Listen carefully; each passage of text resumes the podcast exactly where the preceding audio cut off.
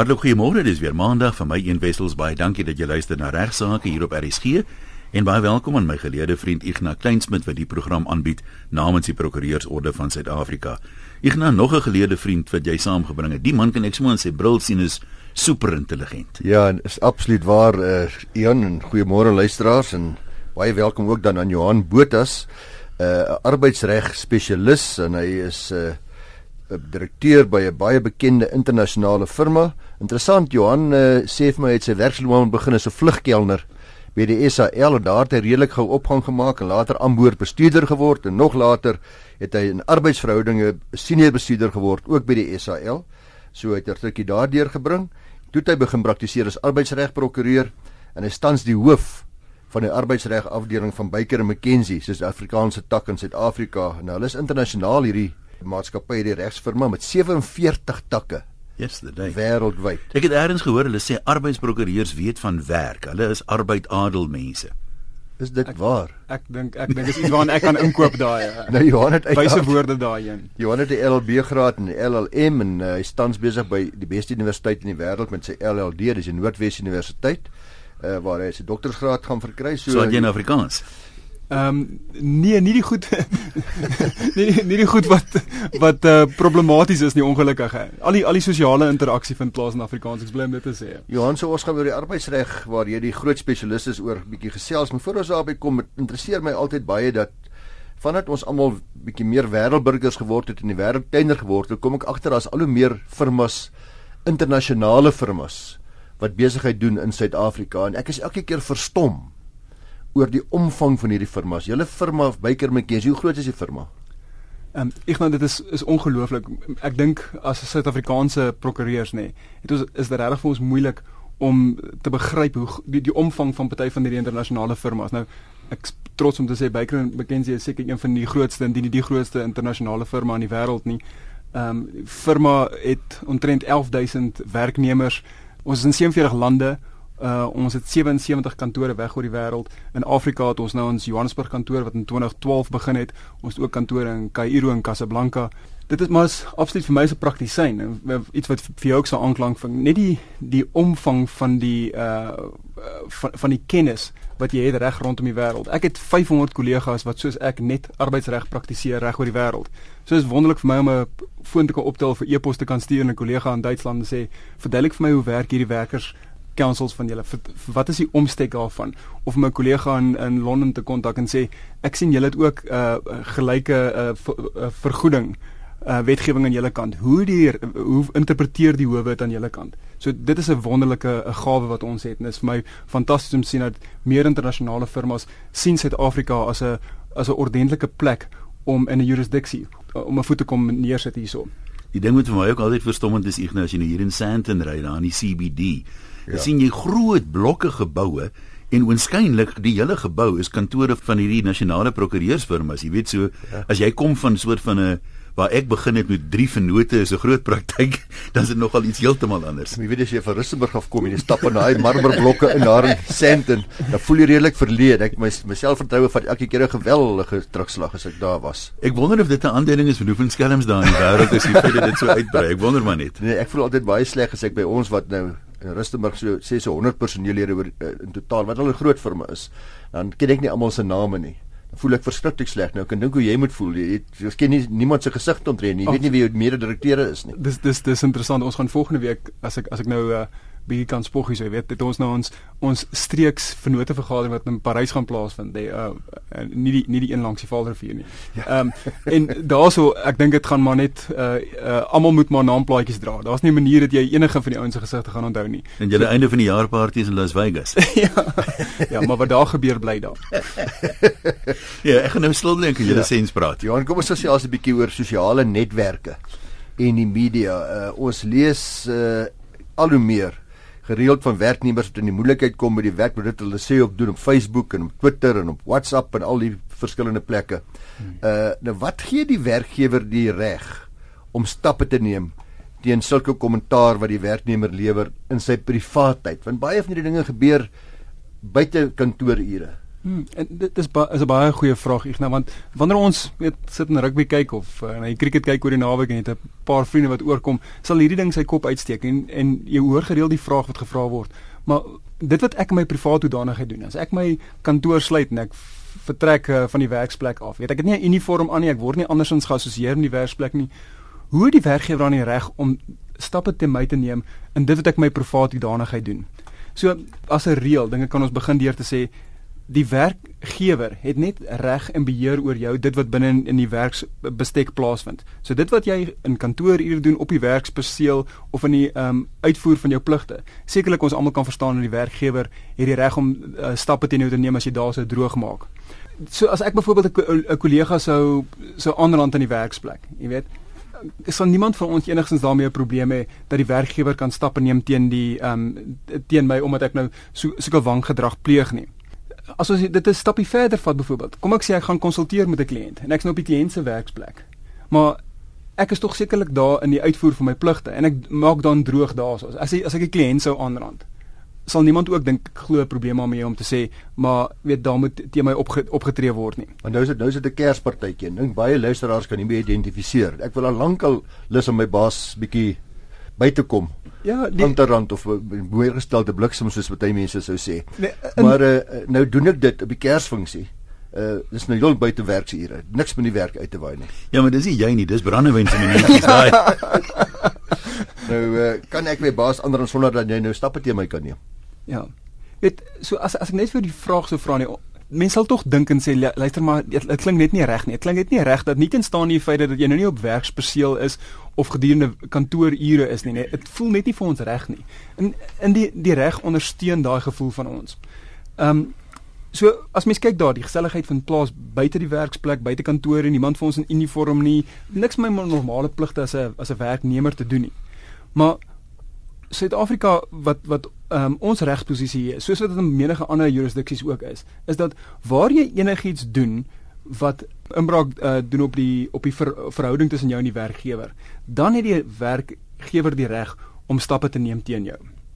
So wat sê toets wat die howe gebruik om dan te bepaal in watter gevalle jy jy kan stappe neem? So die die die toets wat die wat die howe gaan vra wanneer jy by die by die uh kommissie van versoening bemiddeling en arbitrasie uitkom die KVBA of die CCMA soos ons Ja, ons luister daar skielik maar as die CCMA ja. Nou wanneer jy by die CCMA kom, nee, gaan daai kommissaris van die CCMA vra wat is die impak van hierdie gedrag op die werksverhouding? En ek dink dit is 'n belangrike vraag om te vra. Ons het baie ou gesag wat al uit die ou nywerheidshof uitkom nê, waar in 1988 was daar 'n saak gewees van Silver versus Duva Open Cast myne.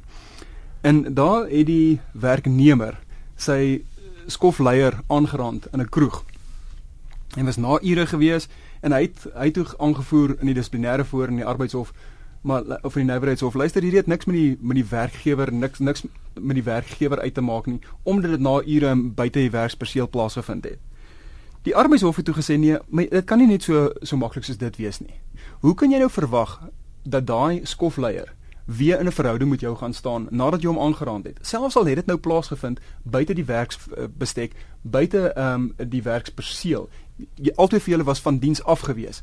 Maar die feit dat hierdie persoon staan in 'n in 'n verhouding met jou, dit is sekerlik die toets. Het jy enigiets gedoen wat hierdie verhouding um, kan belemmer? Kan ek gou iets vra daar? Maak dit enigsins saak wat die oorsaak van die aanranding was? Kom ons sê nou hy's 'n blou bil en jy's 'n leeu. Dit dis dis nou niks met werk te doen nie. Of jy sê jy weet jy's by die werk dan om regtig jy pikkie heeltyd op my en dit omstaan daaroor. Is dit enigsins relevant of glad nie? Of hy het 'n paar maal op my gestamp toe slatte vir hom. Ja, of het jou vrou beledig wat ook ja, al. Ja. Al daai al daai voorbeelde is baie goeie voorbeelde, miskien met die uitsondering van die een van die leeu. As jy net maar 'n leeu is, nee, dan vra jy hom om geneek te word. Ehm um, natuurlik, wanneer mense kyk na dissiplinêre verhoor, na of 'n persoon wangedrag gepleeg het, dan kyk mens na 'n reeks van faktore. Jy kyk of daar ehm um, 'n provokasie was wat aanleiding gegee het tot die ehm um, tot die gedrag.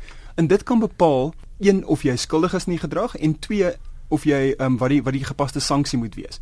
So sekerlik, ek sou sê as daar soos in die geval wat ek nou genoem het, jy weet die ou hom aan hom gestamp van tevore of daar's nou 'n hele reeks van insidente gewees wat nou aanleiding gegee het tot die kan dit ehm um, lei tot 'n sagter uh, 'n versagtende omstandighede wat wat aggeneem kan word met sanksie. So in plaas van om my ou uh, te ontslaan kan jy miskien vir 'n finale waarskuwing sê en sê luister, dit wat jy gedoen het is nie reg nie. Ek kan verstaan hoekom jy dit gedoen het, maar ek keer dit nie goed nie. So ek gee nou vir jou 'n finale kans en sê moet dit nie weer doen nie, anders volgende keer gaan ek uh, gaan ek jou ontslaan. So sekerlik dit kan in ag geneem word. Johan, ek het gesê ons gaan so 'n bietjie praat oor sosiale netwerke ook en uh, wat is hierdie beginsel uh, wat die arbeidshof gemeld het ook van toepassing op die gedrag van werknemers wat kommentaar op sosiale media platforms betref. Ek het byvoorbeeld onlangs in die koerante en die media gesien uh van iemand wat byvoorbeeld geskort was by sy werk omdat hy gesê het op sosiale media sy baas is lui. Uh iemand anderste is weer uh, ontslaan omdat uh, sy gesê het haar baas of haar werkgewer is 'n serial masturbator. dit is dit, dit, ja, 'n ramkat. Dis die uh hoe ver kan 'n werkgewer gaan in so 'n geval? Is dit van toepassing ook? 100%. Ek dink daar beginsel wat ons arbeidshof in of die nywerheidshof in 1988 vasgevat het in van Sail versus Duva Opencast is net so van toepassing as dit kom by sosiale media. Weereens baie werknemers lê nog onder die uh, wanvoorstelling dat omdat ek my eie foon gebruik wanneer ek hierdie goed tweet of post, omdat dit my eie netwerk is, omdat ek dit na ure doen, En omdat ek doen dit in my private hoedanigheid, het dit het dit sekerlik tog niks met die werkgewer te doen nie en die werkgewer het nie die reg om in te meng in dit wat ek my private hoedanigheid doen nie. Maar dieselfde beginsel wat die uh, Nywerheidshof vasgemaak het, gebruik ons ook wanneer dit kom by ehm um, sosiale interaksie. So ons sê dit wat jy daar gedoen het, daai post wat jy op Facebook gesit het, daai tweet wat jy op op Twitter gedoen het, daai boodskap wat jy aan 'n WhatsApp groep gestuur het, het dit die ehm um, effek daarvan dat dit neg negatief impakteer op die diensverhouding met jou en jou werkgewer. En indien wel, dan het die werkgewer die reg om in te tree daar en te sê maar nou gaan ek stappe teenoor neem. Ek aanvaar dit is nie 'n private hoedanigheid gedoen hierdie, maar ek sukkel om voort te gaan met 'n diensverhouding met iemand wat hierdie goed van my in hulle private hoedanigheid sê. Ons dan min of meer daar net 'n streepie moet trek vir die eerste helfte. Net op daai punt, ek het nou die dag gehoor van 'n geval, jy die mense het iets op Facebook en dit bly daar, jy vergeet dit, dis lank terug, waar daar 'n insident by die werk was en die gegriefde party gaan toe terug op die een persoon se Facebook profiel 5 jaar terug en 5 jaar gelede sien hy maar daar's rassistiese opmerkings gemaak. Dis lank lank lank gelede. Miskien kom daai goed na vore en nou is dit getuienis hier, jy weet, jy het nou dit gesê en kyk hier, jy weet, hier's nou 'n patroon. Jy daai tyd dat gesê. So ek dink baie min mense besef regtig hoe belangrik dit is en hoe hoe lank terug dit nog kan weer omdraai en jou seerbyt daar's die daar's die gesegde wat sê die internet vergeet nie. Dit wat jy daar opsit, jy het geen beheer oor waar dit gaan van daar af, wie dit gaan aanstuur vir ander mense nie. Jy dink jy sit dit maar net vir 'n geslote groepie van vriende, een van hulle kan miskien aanstuur vir een van hulle vriende. Voor jy weet, gaan hierdie goed reg om die wêreld en ons sien dit, ons sien dit in die praktyke. Mense doen nog steeds onnoosel goed want hulle dink dit is mos net privaat. Ek ek sit dit maar net hier op die internet vir 'n paar van my pelle. Ian en ek het ja. al 'n paar geleenthede die luisteraars gewaarsku oor rassistiese aanmerkings. Eh uh, miskien jy dit net weer bevestig. Alles wat ons nou sê is ook van toepassing op uh, op rassistiese of diskriminerende aantuigings wat ek op my uh, op my plat sosiale platform maak. Ek ek, kan nie ek kan ek dink nie ons kan daai punt oorbeklemtoon nie. In in hierdie ehm um, waar ons is as 'n gemeenskap en as 'n volk op hierdie stadium van die geveg, gaan jy gaan daar geen geen toleransie hoe genaamd wees. Niemand gaan enige simpatie met jou hê as jy enige rassistiese aanmerkings maak op sosiale media en dan verslae staan omdat mense aksie neem teen jou nie. As jy nie bereid is om dit wat jy sê op 'n publieke platform te sê, as jy nie wil hê dat dit wat jy nou op Facebook sê môre in die koerant moet verskyn nie. As jy dit nie die vrymoedigheid het van jou gemoed gaan hê om dit by die kersfunksie te gaan sê op 'n tafel te klim en sê dit is hoe ek voel oor hierdie aangeleentheid nie. Hmm. Moet dit net nie doen nie. En ook die ander ding wat mense onder 'n wanindruk is, is ook wanneer ek dit aanstuur. Jy stuur vir my die rassistiese opmerking en ek versprei dit weer verder. Natuurlik. Uh, want dis dit word nou ook aan my toegedig. Na, na, Natuurlik. En, en ons on, ons sien dit. Ek bedoel daai regsbeginsels daarvan toepassing. Wanneer ek dit aanstuur, publiseer ek daai selfde boodskap. So dit lê nie in my mond om aan naai tyd te sê maar ek het nie mooi die ding gelees nie. Ons het daai geval ja, gesien, ja. jy weet. Um, en die ding is, mense stuur dit partymal aan of jy jy sit dit op jou Facebook bladsy, nie noodwendig omdat jy daarmee saamstem nie, bloot om jy sê, "Wow, kyk wat sê hierdie ou," maar dit kan baie maklik verkeerd vertolk word. Ja, so luisteraars wat ook belangrik is, selfs daar waar dit net op jou op jou sosiale platform bly lê en iemand anders sien dit later.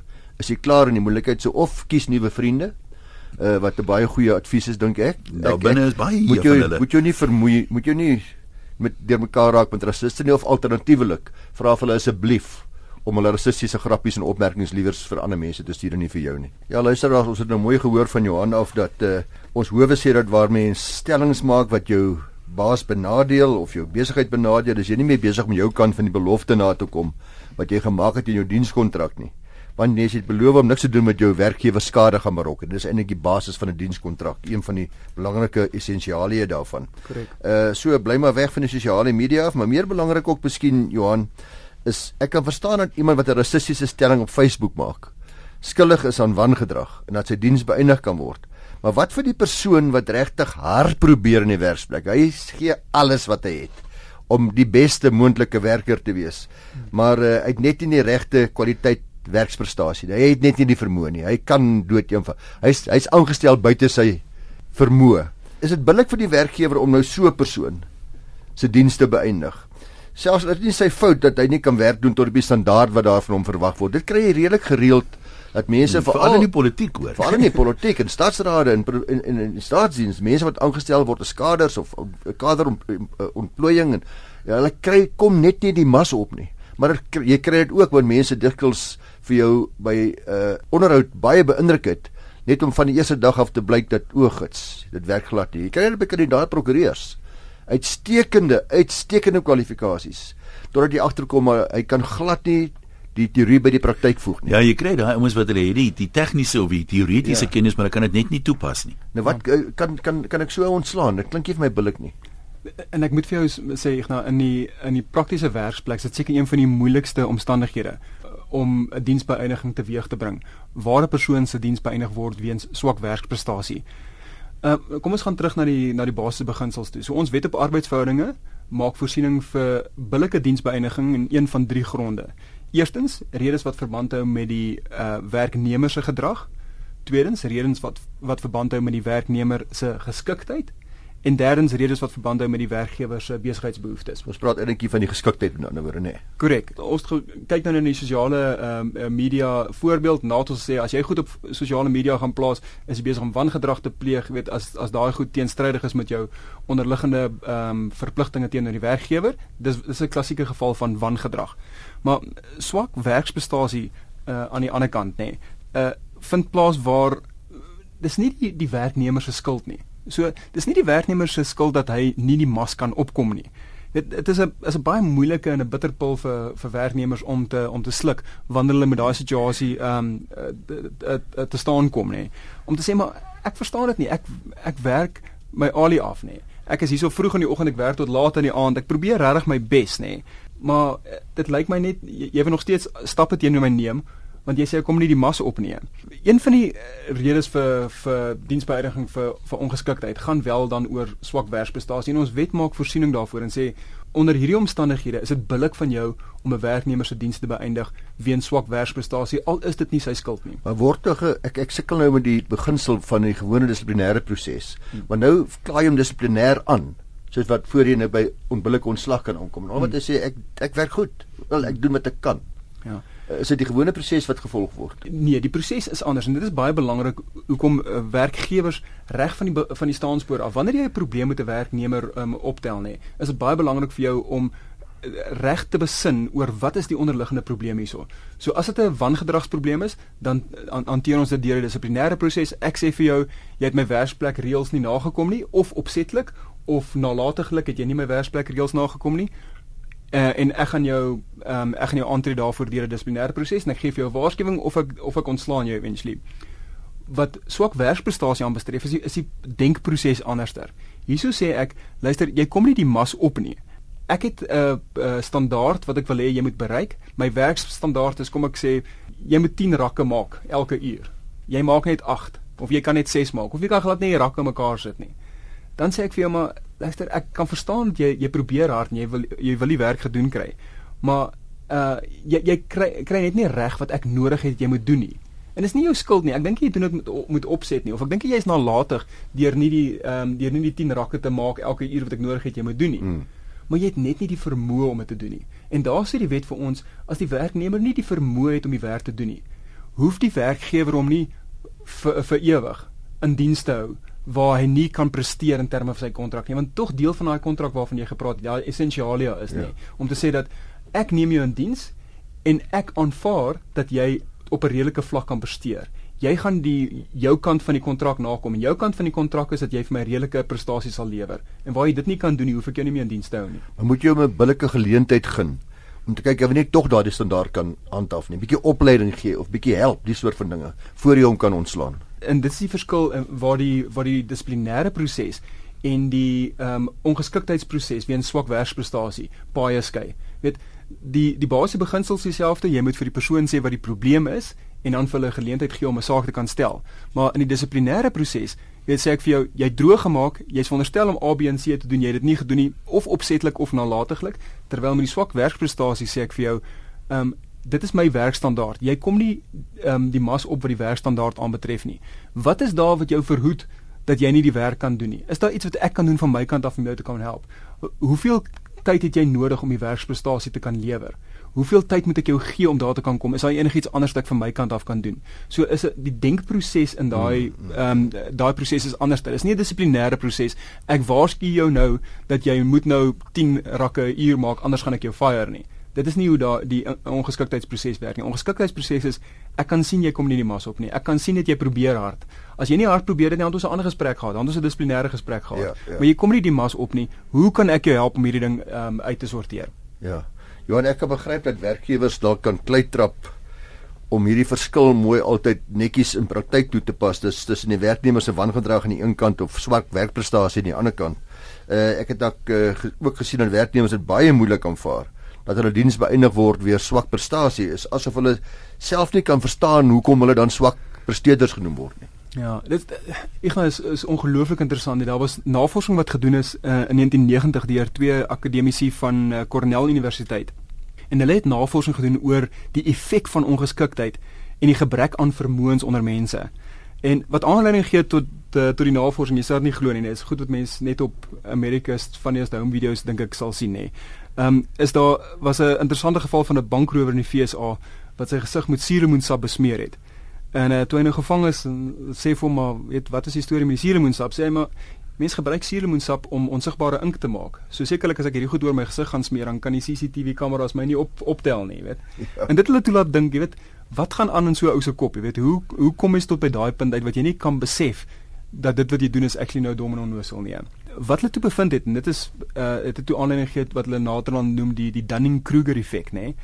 Mense wat onbevoeg is, het dikwels nie net 'n gebrek aan vermoë om die werk te kan doen wat verlang word vir hulle nie, maar dit hul onbevoegdheid behels ook die feit dat hulle nie die insig het om te verstaan dat hulle swak presteer nie. Ja. Dit so, sien mens dikwels nie. Ja, ou nee, dink gewoonlik hulle pik op hom. Ja. Nee, ja. Dit is en ek, ek sien dit in praktyk, ek sien dit in praktyk ook nie. Mense wat wanneer jy hierdie gesprek met met swak presteerders moet hê nê hulle is absoluut uit die veld uitgeslaan. Baie keer sien hulle dit net nie kom nie. Hulle hulle kan net nie verstaan maar ek is hier 5 uur in die oggend, ek werk tot 8 uur in die aand. Ek is hier oor die naweke.